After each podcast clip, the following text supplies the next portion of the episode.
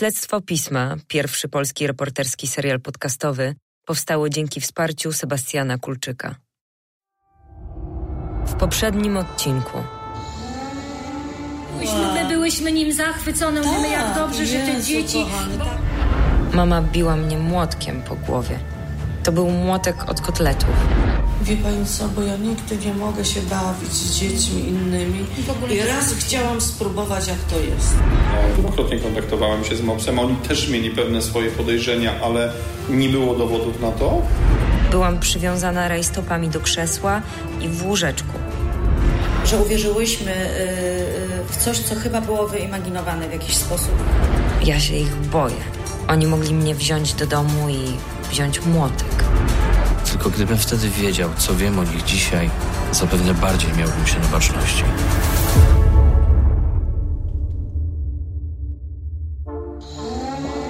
Pięć lat temu Agatę i Jana oskarżono o znęcanie się nad czwórką przybranych dzieci. Ze szczególnym okrucieństwem. Do dziś nie zostali skazani. Kiedy spotkałem ich po raz pierwszy, wydawało się, że skrywają tylko jedną tajemnicę, która jednak szybko wyszła na jaw. Dziś wiem, że kłamstw, manipulacji i ofiar w życiu tej pary jest więcej. Dlaczego nie odpowiedzieli za swoje czyny? Jaką rolę w całej sprawie odegrały znane postacie? Czy uda mi się ich odnaleźć? Nazywam się Mirek Wlekły, a to jest śledztwo pisma. Reporterska historia opowiadana tydzień po tygodniu. Odcinek drugi. Szatan przychodzi do księdza. Jeśli nie słuchasz od początku, to wróć do pierwszego odcinka. Lepiej zrozumiesz, o co chodzi w tej niesamowitej historii. Dziś opowiem o moim spotkaniu z Agatą i Janem.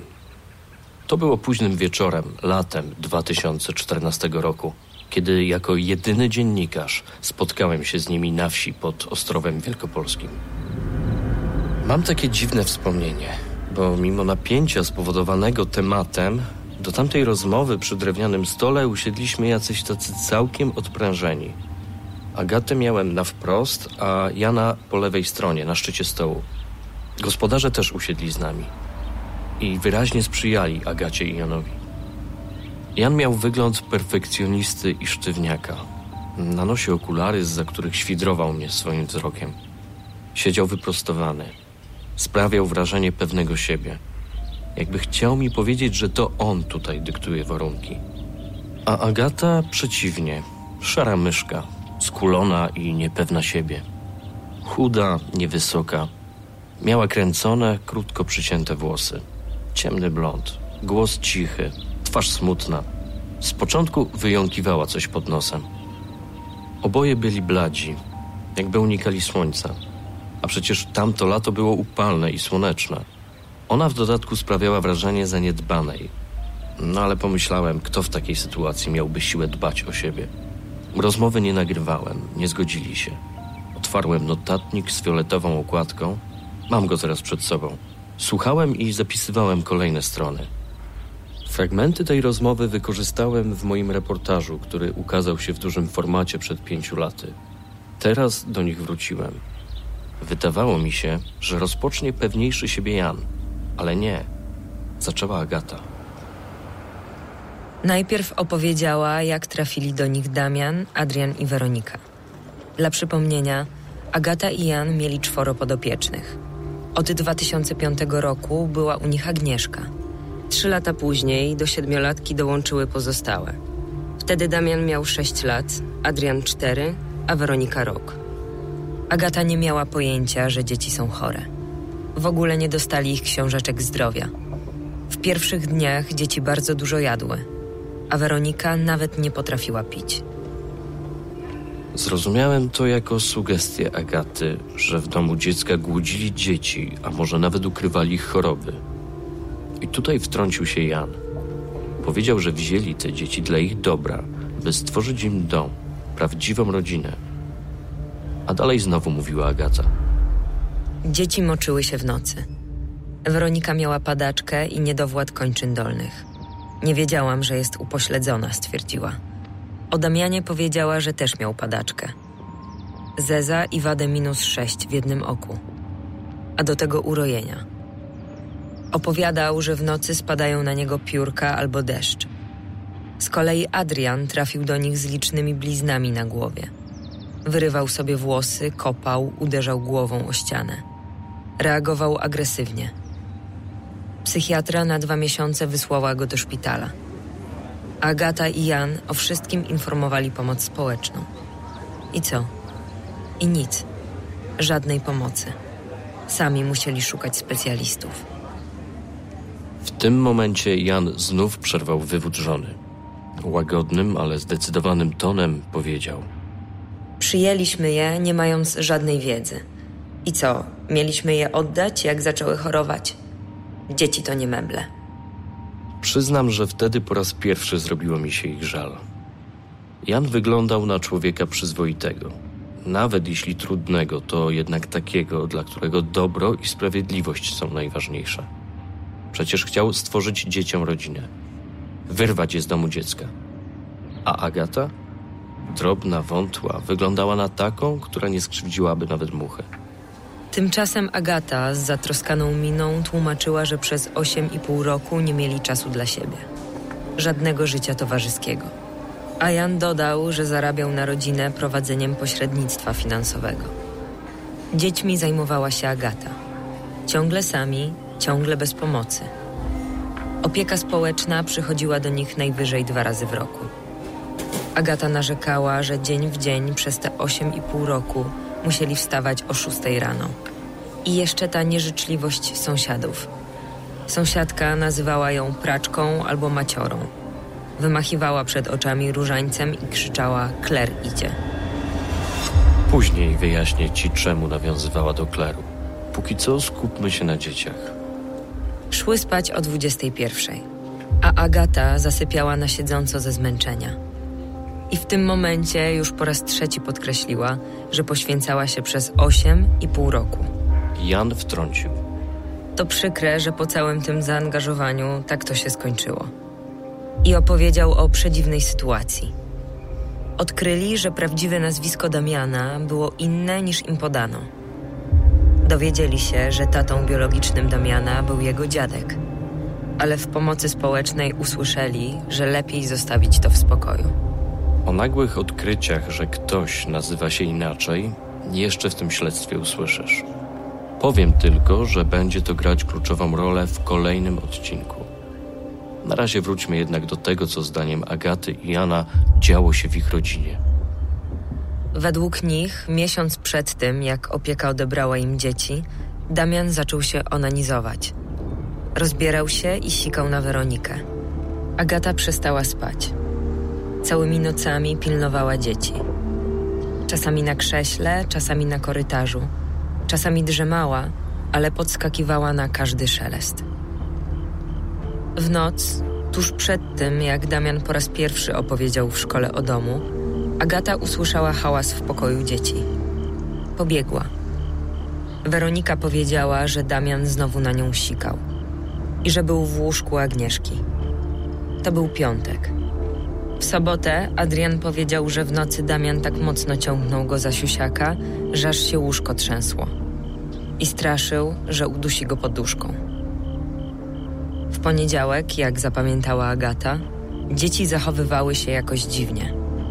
Zawsze jak wychodziły, wołały pa mama. Ale tym razem nie. Agata przypomniała sobie, że dała im kanapki, jogurciki i soczki, bo nie lubiły herbaty w szkole. Aż tu nagle dyrektorka szkoły zadzwoniła, że Damian i Agnieszka opowiadają dziwne rzeczy. Teraz czas na Jana. To przecież on załatwiał w tym domu wszystkie, a szczególnie trudne sprawy. Jan opowiedział mi, że natychmiast poszedł do szkoły. Nikt nie chciał z nim rozmawiać. Dowiedział się tylko, że policja przesłuchuje Damiana. Jan skomentował to tak. Potraktowali mnie oschle. Po dziewięciu latach zajmowania się dziećmi. Murzyn zrobił swoje, Murzyn może odejść. I znów kontynuowała Agata. Już po tym, jak im odebrali dzieci, Damian w domu dziecka dorwał się do telefonu kolegi. Zadzwonił do niej. Błagał, żeby go stamtąd zabrać. Zdążył jeszcze powiedzieć, że Adrian jest w szpitalu, a Weronika płacze. Na koniec rzucił: Muszę kończyć, bo stara idzie. No i co miałem myśleć? Słyszałem historię o ludziach, przeciwko którym zmówił się świat i wszystkie przeciwności losu. Tak przynajmniej wynikało z ich opowieści. No bo jacy rodzice wytrzymaliby takie obciążenie ze strony wyjątkowo trudnych dzieci? Przecież chcieli dobrze. I właśnie z takimi myślami wychodziłem ze spotkania z Agatą i Janem.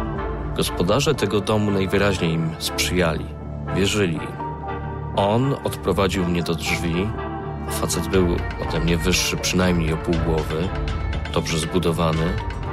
Pamiętam, że groźnie na mnie wtedy spojrzał i powiedział coś w stylu na pożegnanie. Jak pan zrobi krzywdę Jasiowi, to ze mną będzie pan miał do czynienia.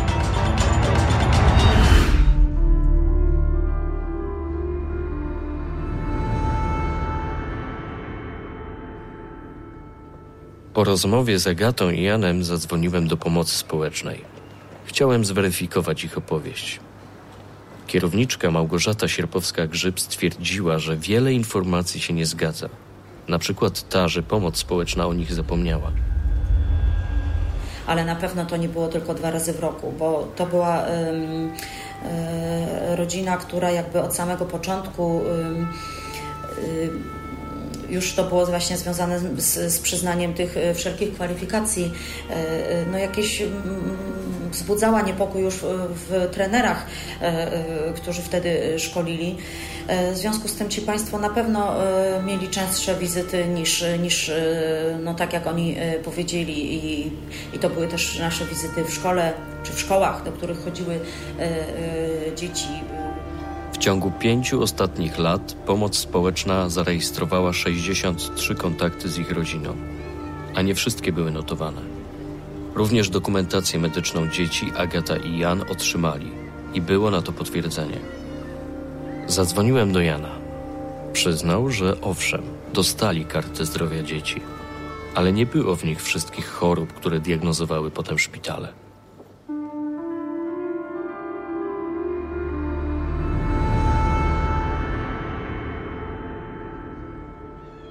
Kiedy słuchałem pracowników opieki społecznej, nie mogłem zrozumieć, dlaczego oddali im dzieci. Prześledźmy więc, jak to się stało, że para potworów, jakby to wynikało z aktu oskarżenia, została rodziną zastępczą. Procedura wydania certyfikatu rodziny zastępczej jest dość skomplikowana. Rozpoczyna się od zebrania dokumentów kandydatów. Potem wywiad środowiskowy, czyli sprawdzenie warunków w miejscu zamieszkania. Pytania o wykształcenie, pracę, warunki materialne. I wreszcie szkolenie. 12 sesji po 3,5 godziny. A w trakcie badanie psychologiczne oraz uzupełnianie księgi życia z osobistymi pytaniami. Dopiero wtedy następuje decyzja o przyznaniu certyfikatu. W Ostrowie dotarłem do osoby, która prowadziła szkolenie Agaty Jana. Donata Rozbicka wciąż pracuje w Powiatowym Centrum Pomocy Rodzinie. Opowiadała mi o euforii, jaka towarzyszyła im na początku wprowadzania rodzicielstwa zastępczego. W tym i kolejnych nagraniach wygłuszyliśmy nazwisko Agaty i Jana. że a to było trzecie szkolenie chyba, które prowadziłyśmy i byłyśmy jeszcze pod, takie całe w euforii do, do tej pracy, do, do, do tego rodzicielstwa, że te dzieci, że nie będzie tych placówek, że te dzieci będą miały świetnie w rodzinach zastępczych. I, i wie pan, y, to, to był jak kubeł zimnej wody.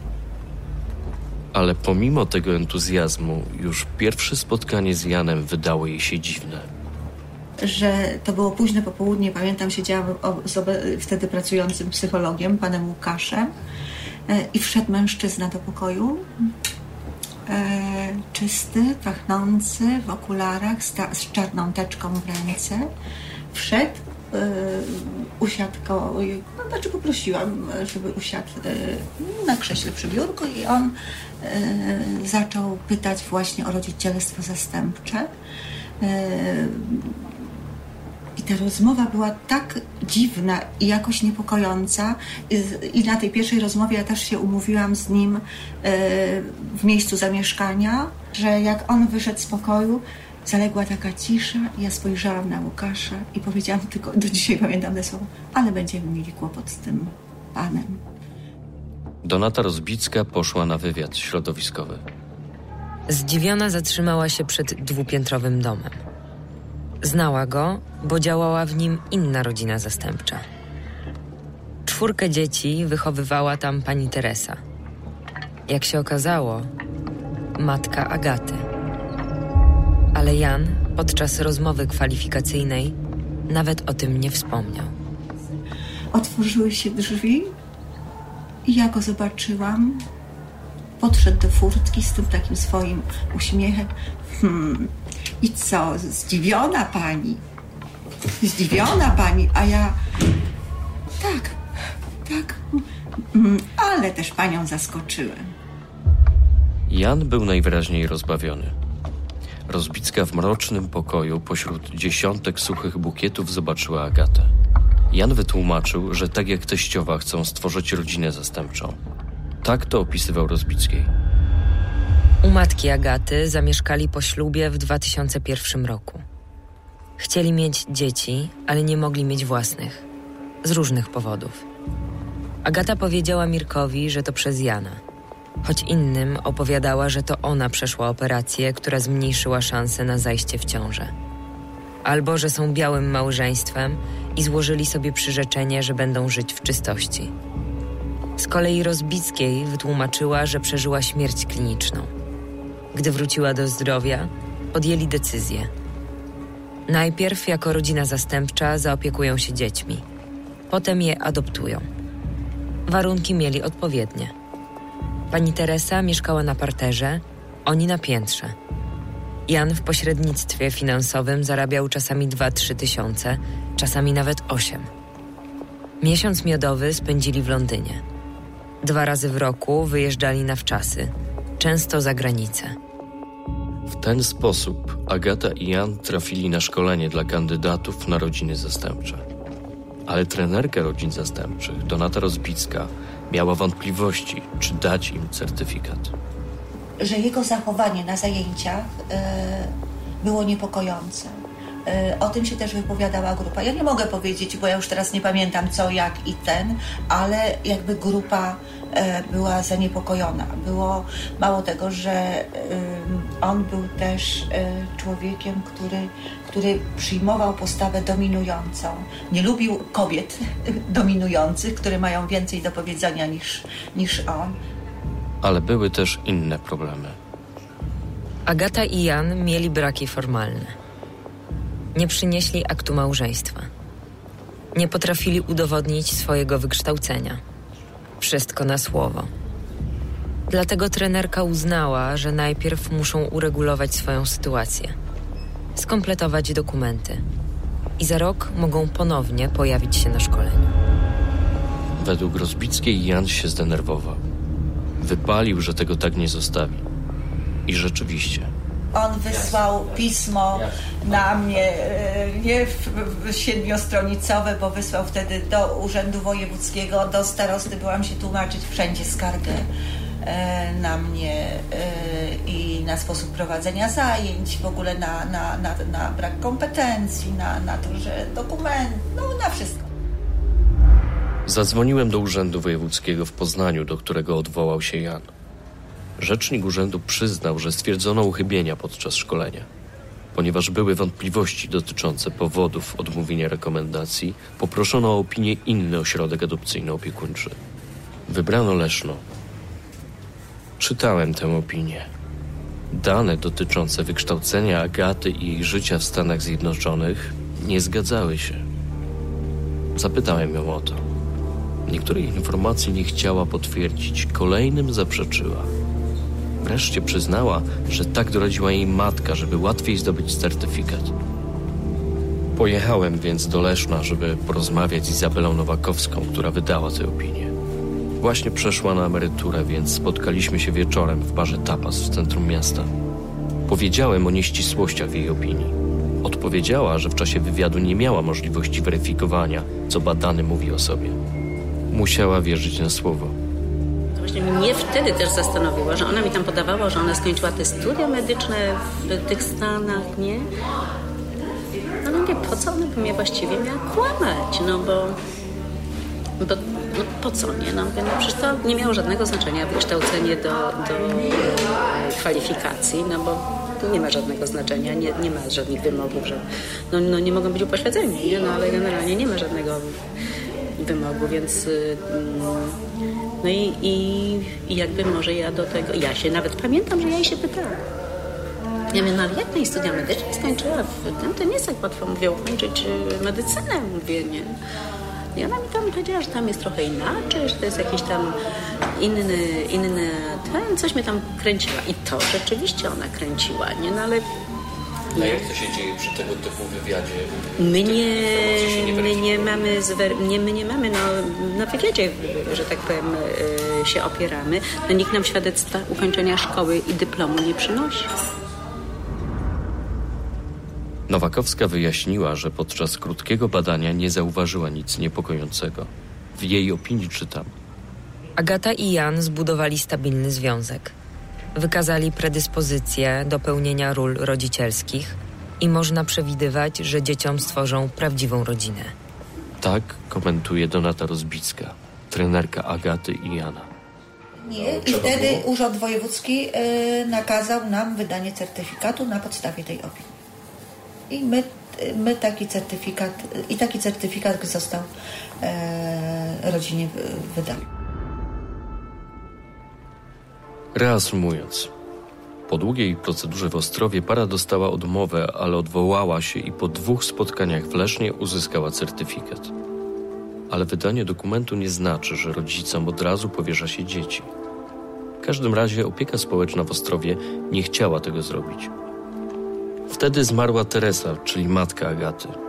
Pamiętasz przecież, że była także matką zastępczą dla czwórki dzieci. Podczas naszego spotkania Agata zwierzyła mi się, że nie spodziewali się otrzymania dzieci tak szybko. Z kolei Donata Rozbicka twierdzi, że Jan od razu wyraził chęć przejęcia rodziny zastępczej po teściowej. Tyle, że opieka społeczna nie chciała ich wskazać. Ale znamy już Jana. Jan nie odpuszcza. Jan potrafi dopiąć swego. On zwrócił się do sądu, e, chociaż my sz- szukaliśmy rodziny zastępczej, która, ale wie pan, e, to tak się łatwo mówi, że my mamy rodziny, które przyjmą, przejmą opiekę, nie? No nie, no trudno w takich sytuacjach nagle wskazać, tutaj mieliśmy, ale i, i mówię, że to nie my go wskazaliśmy, tylko on sam zwrócił się do sądu ze względu na to, że teściowa zmarła, e, e, a on ma, nawiązane e, jakby relacje i więzi z dziećmi i on przejmie opiekę nad dziećmi. Co sąd postanowił? Sąd postanowił, że ze względu na nawiązane z dziećmi więzi, bo tam były w Rodekano, bo dzieci miały z nimi nawiązane więzi, no jakby przychylił się i wyraził zgodę, ale dlaczego miał tego nie robić? Przecież oni mieli certyfikat i dobrą opinię. Jednak Agata i Jan pamiętają to inaczej. Już dzień po śmierci matki Agaty przyszła do nich sędzia z pracownicą opieki społecznej. I wręcz prosiły, aby Agata i Jan zajęli się dziećmi, bo były z nimi zżyte. Podsumujmy, żeby się nie pogubić. U pani Teresy, matki Agaty, było czworo dzieci. Agata i Jan zdecydowali się na dwoje. Agnieszkę już znasz. Agnieszka miała starszego brata, Pawła. Ale Agata i Jan pozbyli się chłopca, bo jak twierdzili, nie dawali sobie z nim rady. Została Agnieszka. Wtedy, według Agaty i Jana, psycholożka z pomocy społecznej zasugerowała, że lepiej by było, gdyby dziewczynka nie wychowywała się sama. Chcieli więc przyjąć jedno dziecko. W domu dziecka zaproponowano troje. Powiedzieli, że rodzeństwa nie można rozdzielać. I tak do domu Agaty i Jana trafili Damian, Adrian i Weronika. Od tego momentu ich rodzina zastępcza liczyła czworo dzieci. Rozbicka twierdzi, że i na te decyzje Powiatowy Ośrodek Pomocy Rodzinie nie miał żadnego wpływu. Że Agacie i Janowi przydzielono te dzieci automatycznie. Jak oni już dostali jakby tego to mieli, że są już funkcjonującą rodziną zastępczą. Momentalnie po, pojechali do domu dziecka w Kaliszu, przedstawili, że oni są taką świetną, że już się dwójką dzieci opiekują i, i, i tam po prostu... To już wy nie mieliście nic, nic gadania? Nic, Ach, myśmy... nie mieliście nic wspólnego. Z jednym i z drugim nic.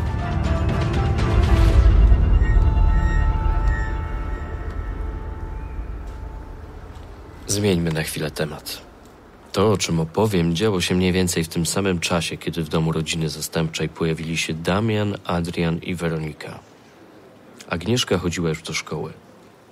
Pewnego dnia do jej wychowawczyni przyszedł Jan. W pokoju nauczycielskim siedział też ksiądz Karol, który uczył religii. Tak wspomina to Barbara Biernaczyk, ówczesna wychowawczyni Agnieszki. Tak wchodził do tego pokoju, a Karol wtedy był, to tak się odwrócił, mówi, matko, mówię, jak ksiądz Jasio, co tu robi? I ja wtedy na Karola mówię, Karol, ty go znasz? Tak, Jan okazał się księdzem. O jego kapłańskiej przeszłości pracownicy opieki społecznej dowiedzieli się, gdy przyznawali certyfikat. Również przypadkowo. Tak wspomina Donata Rozbicka. Ale właśnie tak moja koleżanka Magda, współtrenerka, e, w rodzinie miała księdza. E, Wujek, wujek jest jej księdzem. Jechała w weekend do, do wujka, nie? Jechali całą rodziną na obiad. No i wujek e, pochwalił jej się, że została wydany e, taki album, nie album, no książka, gdzie są wszyscy księża. I nagle Jan zdjęcie, nie? Mówi. Zwątpiła. Po prostu autentycznie zwątpiła. I mówi do wuja, skseruj mi to. Nie tą kartkę, bo, bo ten człowiek mówi, no, no, no ja go znam, no ale to przecież niemożliwe, bo, o, bo on y, nie jest księdzem. No, no i przyjechała w poniedziałek, mówi, zobacz, czy to nie jest on. No i żeśmy datę urodzenia, to zaczęłyśmy sprawdzać. On. Trenerki zaprosiły Agatę i Jana na ponowną rozmowę. Jan zaprzeczył, że był księdzem. Po godzinie wrócił. Co powiedział? Donata Rozbicka wie z relacji drugiej trenerki. Pani Magda nie pracuje już w pomocy społecznej i nie chciała ze mną rozmawiać. E, przybiegł do niej i powiedział, że i, i coś sens był taki, że, że on musiał zaprzeczyć, bo on ma z Agatką taką, e, taką ugodę, bo oni są białym małżeństwem, że on nigdy nie będzie o tym mówił, że on był księdzem, że to jest ich wielkie tam coś tam, coś tam, coś tam. Po prostu e, dorobił do tego filozofię i tak on się przyznaje, on był księdzem, ale już nie jest księdzem i teraz z tą Agatką sobie żyją i, i no i jest im fajnie i oni są białym małżeństwem. Ksiądz? To było moje pragnienie, powiedział mi Jan, gdy go o to spytałem. Zabiorę cię teraz w podróż w czasie. Dotarłem do koleżanek szkolnych Jana. W klasie były prawie same dziewczyny i tylko trzech chłopaków. A wśród nich, jak powiedziało mi kilka osób, głupi Jaś. To Jana mieli na myśli. Mówi Izabela Stępień, była przewodnicząca klasy. No chyba sobie robicie jaja. No gdzie Jasiu? On był zawsze takim popychadłem. On naprawdę cały czas był takim... No zawsze jest jakiś taki kozioł ofiarny, tak? W szkole. No tak to nazwijmy. On był kozłem ofiarnym. I dlatego my mu tak w sumie pomagałyśmy, jak to pani profesor mówi, bo nam go było żal, że, że chłopacy go też traktują jak kozła ofiarnego, nie? Takie ciele chodzące, takie... A teraz głos oddajmy innej koleżance licealnej Jana. Grażyna Jaś pracuje obecnie w domu dziecka i ma kontakt z jego byłymi podopiecznymi. Te dzieci przychodząc ze szkoły pracowały na gospodarce. Tu się nie ma co czarować. One nie miały czasu na, na edukację, tak? One nie miały czasu. Często też najstarsze dziecko brało rolę y, opiekuna do młodszych dzieci, bo rodzice pracowali na gospodarstwie. I wydaje mi się, że taka była sytuacja Jana. Jasiu normalnym wiejskim chłopakiem był, który trafił do liceum. Wydaje mi się, że to liceum też go troszeczkę przerastało. I znów Izabela Stępień. No właśnie to, to nawet nie tak, że my chcieliśmy może go wyciągnąć. To był fajny chłopak. On, on po prostu sobie nie radził z wieloma sytuacjami. On nawet może by się chciał użyć, ale no kiedy miał to dom, w domu robić? No kiedy? Jan opowiedział mi, że jest najstarszym z sześciorga rodzeństwa. Mała wioska, prości ludzie, rodzina normalna, żadnego alkoholizmu. ze zdrowymi zasadami i wymaganiami. Za złe zachowanie bywały kary. Nie można było iść pobiegać albo pograć w piłkę. Ale rodzice byli opiekuńczy, a on im pomagał. Udało mi się też odnaleźć wychowawczynię Jana. Łucja Huzarewicz ma już 90 lat. To była jej ostatnia klasa. W domowym archiwum odnalazła klasowe tablo i razem wyszukaliśmy na nim Jana. On przyszedł do nas do szkoły no w latach, mówię, 80. z Ołoboku.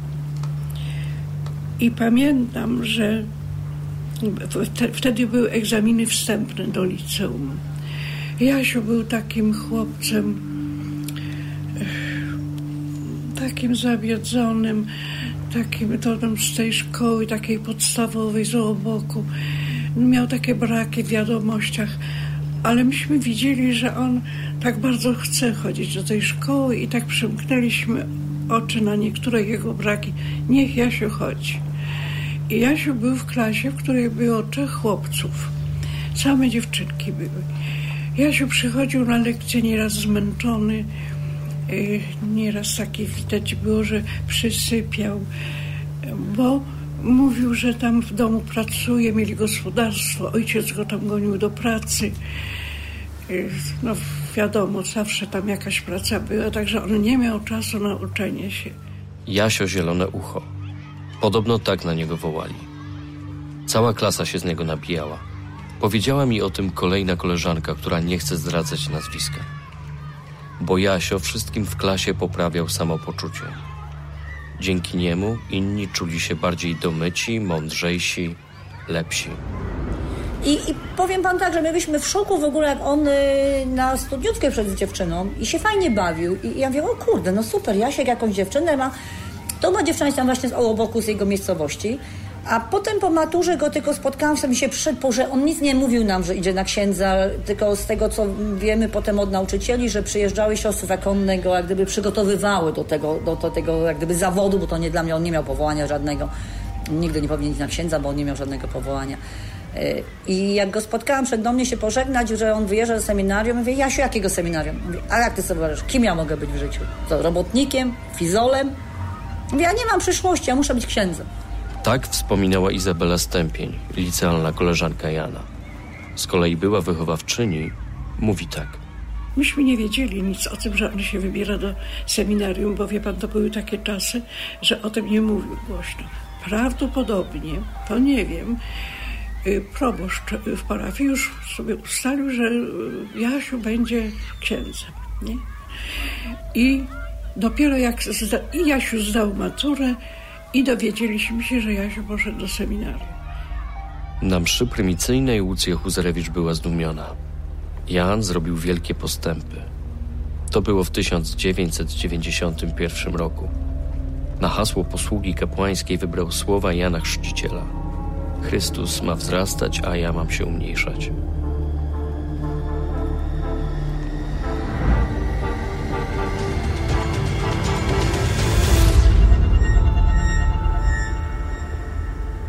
Kiedy trenerka z Centrum Pomocy Rodzinie dowiedziała się o jego przeszłości, w ramach wywiadu środowiskowego obdzwoniła parafię.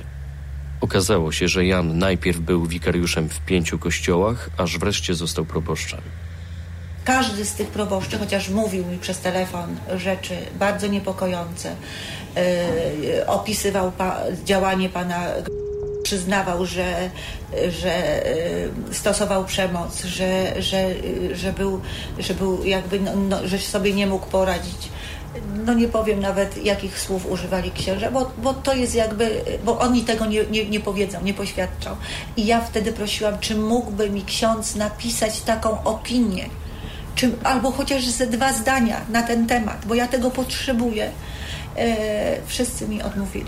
Powiedzieli, e, no powiem, no, że z takim wariatem oni nie chcą mieć do czynienia. I oni w życiu mi czegoś takiego nie napiszą, nawet jakby im kuria e, kazała, to się mam zwrócić do kurii, jak, e, to nawet wtedy. Bo oni, a ten jeden ksiądz powiedział, że on przez niego miał stan przez, przedzawałowy, że, że po prostu nie chce o nim więcej nic słyszeć. Posłuchaj, co powiedziała mi Izabela Stępień. Nam się zerwały kontakty z Jaśkiem. On tu był księdzem u nas na parafii w Antonii. Tutaj był jako kanonik, powiedzmy tam przyszedł na początku. I on wtedy miał taką wizję nachodzenia yy, no, koleżeństwa z klasy i uświadamiania nas, jak mamy żyć po katolicku. Ja do niego, ja go nie traktowałam nigdy jako proboszcza, jako księdza, powiedzmy, tylko jako kolegę z klasy. No znam go tyle lat, znam jego sytuację i wydawało mi się, że mam do tego prawo, powiedzmy. I jeżeli on przed mnie zaczął mnie umaralniać, jak ja mam żyć z mężem, jak mam wychowywać dzieci, i ja się zapytałam tylko z, jednej, z jego, z drugiej strony, bo on po prostu mówił nie od siebie, tylko mówił zdaniami wyuczonymi. Konkretnie to było sztampa wyuczone i on tak mantry powtarzał się. W końcu wkurzyłam się, go spytałam, to powiedz mi Jasiu, czemu wam nie zniosą celibatu? Weź sobie żonę, wychowuj te dzieci. Dzisiaj można powiedzieć, że Jan wziął radę koleżanki do serca.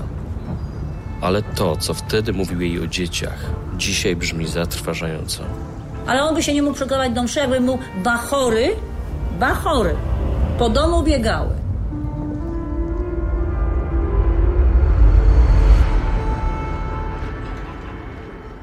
Postanowiłem odwiedzić parafię Jana. Wszystkie znajdują się w okolicach Ostrowa i Kalisza. W samym Ostrowie były proboszcz, ksiądz Tadeusz Szmyt powiedział mi, że nie będzie rozmawiać na ten temat. Z Ostrowa Jana przenieśli do Ostrzeszowa, gdzie zapamiętano, że gonił parafian za spóźnienia. Tam rozmawiałem innymi z Iloną, ówczesną uczennicą Jana. Mówię, dla mnie to był facet bez właściwości zupełnie. Zwykły, średni ksiądz. Ani specjalnie błyskotliwy, yy, ani specjalnie głupi. Bez jakichś przemocowych akcji, nie? bo on nie miał żadnych takich przemocowych yy, działań, tak? Jakby nie pamiętam czegoś takiego.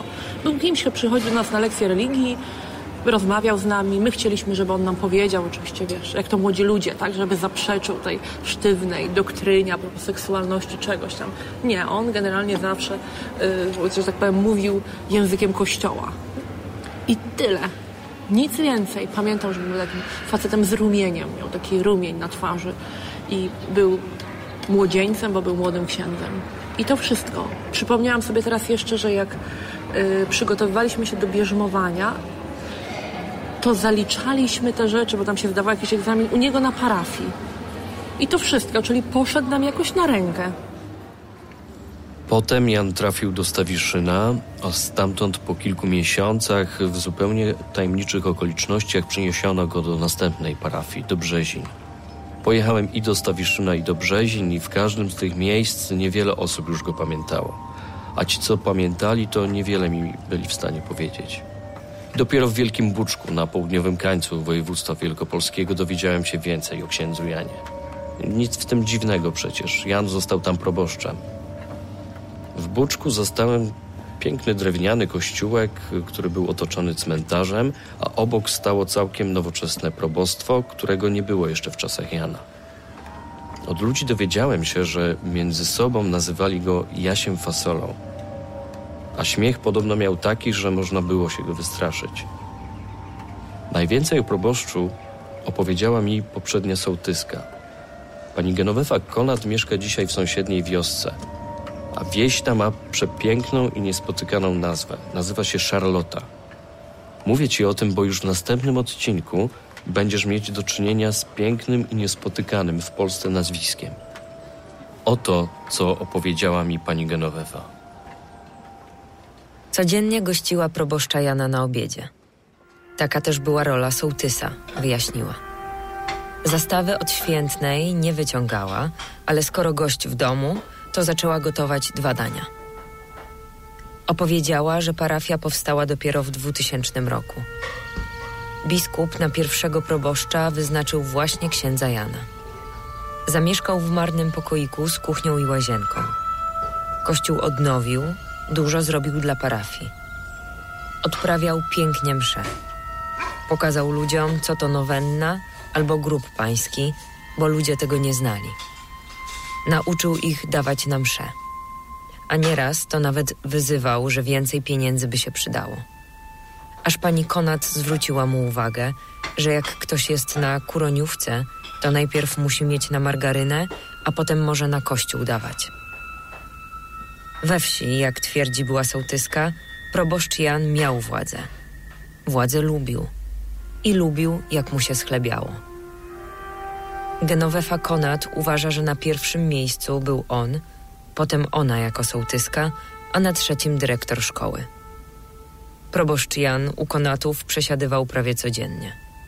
Czasem żalił się sołtysce na samotność, a ona go ganiła. Zaznaczała, że małżeństwo to nie same róże. Tak wspomina pani Konat, a dopowiada jej córka Magdalena Łukaszyk. Mówi, pani sołtys ma pani rodzinę, wieczorami jest nie sama. Codziennie prawie siedział. No. I ja później tego, ja mówię tak, proboszcz e, wie o tym, że e, proboszcz nie jest sam, bo że jest też, a Pan Bóg to gdzie? No. To nie jest samotność z Panem Bogiem być, obcować razem. Jak ksiądz odejdzie z, z kapłaństwa, to mówię, najszybciej postawi księdzu, mówię, kobietę na, na, na drodze. To ten szatan, mówię, kobieta to będzie szatan teraz. No trudno, i co? Nie pomyliłam się? Nie pomyliłam się? Jakby nie, nie, nie miała szatańskiego tego, bo dzieciom takiej krzywdy nie robiła. Więc chociaż pani sołtys mogła coś przeczuwać, to jednak decyzja proboszcza Jana spadła na parafian jak grom z jasnego nieba. Jak to ujęła pani Konat, pojechał na wczasy, a po wczasach szlak go trafił. Wrócił z tych wakacji ksiądz Jan i mówił, to ja nic nie wiedziałam. To mężowi powiedział, że będzie odchodził z kapłaństwa, nie? No i kiedyś mi to mąż powiedział, ja mówię, ty że żartujesz z tego, że żarty robisz? Ja mówię, nie. Mówi, no, mówię, ksiądz Jan, że odchodzi z kapłaństwa. Mówię, no co Yy, dziwny jest, mówię, dopiero my są tutaj świeża parafia i jak to teraz to ludziom wytłumaczyć, nie, tu zaraz kapłaństwa odchodzi, nie? No, i- no i tak y, ten, tak to było, no. Ustalił sobie datę na 11 listopada. Na Dzień Zwycięstwa. Dzień Niepodległości. Znaczy Dzień y, Niepodległości, że, nie, że już nie będzie, Nie będzie podlegać nikomu. Kiedy Jan ogłosił swoją decyzję, Genovefa Konat stwierdziła, że więcej go karmić nie będzie. Poza tym, co miała napisać w kronice parafialnej? Przecież Jan był pierwszym w historii proboszczem. W wiosce nikt nie wiedział, skąd wzięła się Agata. Ona sama opowiadała, że poznali się przez koleżankę. Po latach Jan wyznał, że jak ją zobaczył, to od razu się zakochał. I męczył się przez 12 lat. Aż w końcu stwierdził, że nie może być nieuczciwy względem ludzi. Sołtysce Wielkiego Buczka tłumaczył, że nie chciał obrażać Boga. Na co Genovefa Konat, że przecież jest taki proboszcz niedaleko, który żyje z kobietą i nazywa to grzechem młodości. Już po ślubie Jan wrócił do wioski, by pochwalić się Agatą. U Konatów pokazał nagranie ze ślubu. Pan Konat tej wizyty nie wytrzymał. I mąż przyszedł i mówi tak, no nie podoba mi się to, mówi, że tyle jest kobiet na świecie, a ty nam musiałaś proboszcza zabrać? Agata i Jan więcej do Wielkiego Buczka ani Charloty nie przyjechali. Agata podczas naszego spotkania powiedziała mi, że gdy panie z pomocy społecznej odkryły, że jej mąż był kiedyś księdzem, stwierdziły, że nie nadaje się na rodzinę zastępczą. Jan poskarżył się na to w odwołaniu do Urzędu Wojewódzkiego. Płacę za to, że byłem księdzem, powiedział mi.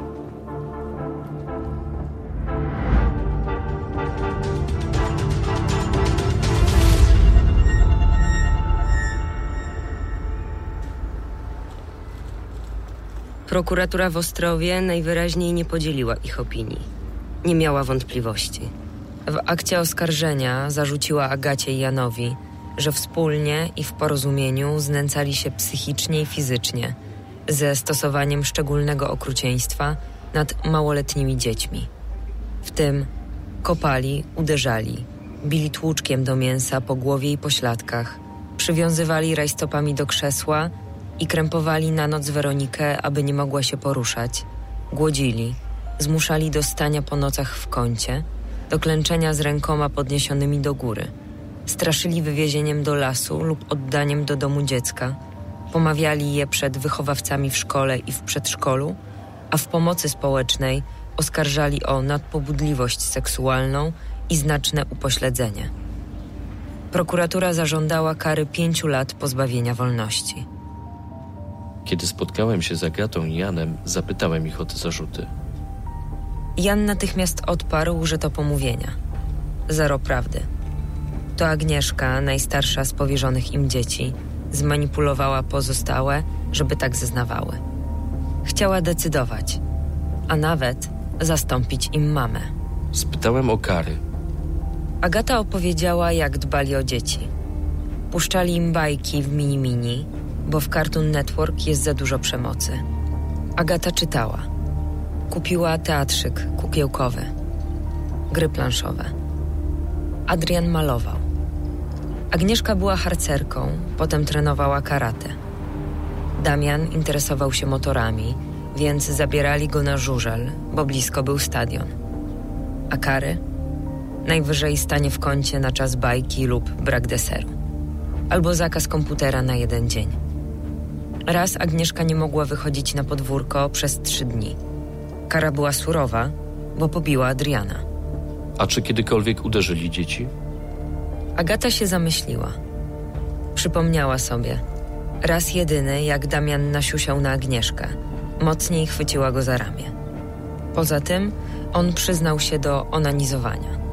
No i wyciągnął z szuflady bieliznę Agaty. A Jan? Bez zastanowienia odpowiedział: Ja wolałem krzyknąć na dziecko niż bić. A blizna u Weroniki. Ślad po tym, jak Agata popchnęła ją na podłogę. Agata szybko wyjaśniła: To stało się podczas wakacji w sianorzętach. Dziewczynka wchodziła po schodach, potknęła się, rozbiła brodę. Rany zakleili ratownicy. O proszę, tutaj jest zdjęcie z plaży, a Weronika ma plaster na brodzie. Może chociaż dali jakiemuś dziecku klapsa, dopytywałem. Choćby raz. Agata znów się zastanowiła. Odpowiedziała, że chyba nie. Oczywiście, że w domu były zasady. Nie można przecież pozwolić, by dzieci nie odrabiały lekcji albo biły się. Ale jak twierdziła Agata, nie byli bardzo wymagającymi rodzicami. Zapewniła, że nie są perfekcjonistami. Jeśli coś im się nie udawało, nie robili z tego problemu. No a rejstopy, krępowanie dzieci. Odnośnie rajtus, to już mówię, zaczęła Agata. Według niej było tak. Agnieszka chciała ją odciążyć. Mówiła, że mogą jechać na zakupy, a ona popilnuje dzieci. Następnego dnia Adrian powiedział rodzicom, że związała jemu i Weronice nogi rajtuzami. Po czym z Damianem brała z lodówki jedzenie i rzucała przez okno kotom. To powtórzyło się dwukrotnie, więc Agata i Jan stwierdzili, że więcej nie pojadą razem. W końcu zacytowałem im akt oskarżenia. Wynikało z niego, że przyznali, że sytuacja ich przerosła, że nie potrafili sobie poradzić. Wyrazili skruchę i zadeklarowali, że nie chcą już być rodziną zastępczą. Spytałem, czy to prawda. Agata zrobiła zdziwioną minę. Odparła, że nigdy nie przyznali się do winy. I wtedy Jan z rezygnacją w głosie dorzucił, że skazano ich już w październiku, czyli wtedy, gdy odebrano im dzieci. Padli ofiarą niechęci pomocy społecznej. Pewnie dlatego, że wykazywali nieprawidłowości w jej działaniu. A może to sprawka szkoły? Jej również wykazywali błędy. Tyle powiedzieli mi Agata i Jan podczas naszego spotkania latem 2014 roku. Ale w aktach sprawy można przeczytać. Przyznaję się do zarzuconego mi czynu, powiedziała Agata. Wiem, o co jestem podejrzany, przyznaję się do jego popełnienia, powiedział Jan. Wyrazili chęć dobrowolnego poddania się karze. Sąd nie zgodził się. Posłuchaj, jak wyrok podsumowuje Marek Urbaniak, wiceprezes Sądu Rejonowego w Ostrowie, przewodniczący Wydziału Karnego. Sąd y, rejonowy w Ostrowie, rozpoznając y, pierwszy raz tę sprawę w dniu 21 października 2015 roku, y, wydał wyrok skazujący wobec oskarżonych. Wymierzył im kary po 5 lat pozbawienia wolności, kary bezwzględne pozbawienia wolności.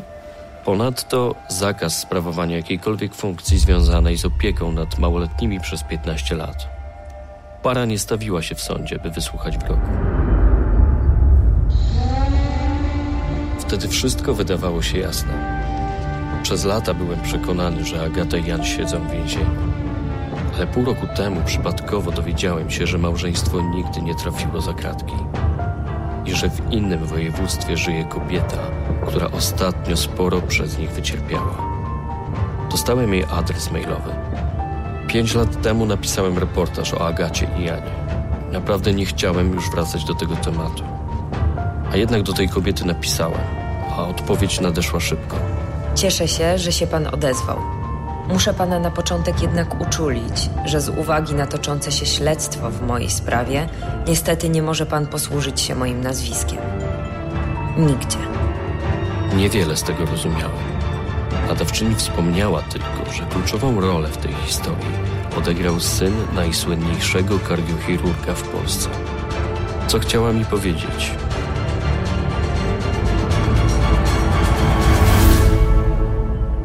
Opowiem o tym w trzecim odcinku śledztwa, za tydzień, 1 listopada. Śledztwo pisma to reporterska historia opowiadana tydzień po tygodniu. Słuchaj na śledztwopisma.pl, TOK FM oraz na Google Podcast, iTunes, Spotify i YouTube. Więcej materiałów związanych ze śledztwem znajdziesz na śledztwopisma.pl. Śledztwo Pisma, pierwszy polski reporterski serial podcastowy, powstało dzięki wsparciu Sebastiana Kulczyka. Wyprodukowała je Fundacja Pismo, wydawca miesięcznika Pismo, magazyn opinii. Partnerem dystrybucyjnym jest Radio Tok FM, właściciel aplikacji z podcastami. Śledztwo Pisma prowadzi Mirek Wlekły. Producentem jest Piotr Nesterowicz. Kierowniczką produkcji Barbara Sowa. Grafika Tomasz Majewski. Głos lektorki Agata Turkot. Muzyka Wojtek Wierzba. Montaż i dźwięk Maciej Zych. Nagrań dokonano w studiu Osorno. Śledztwo pisma wiele zawdzięcza Monice. Dziękujemy.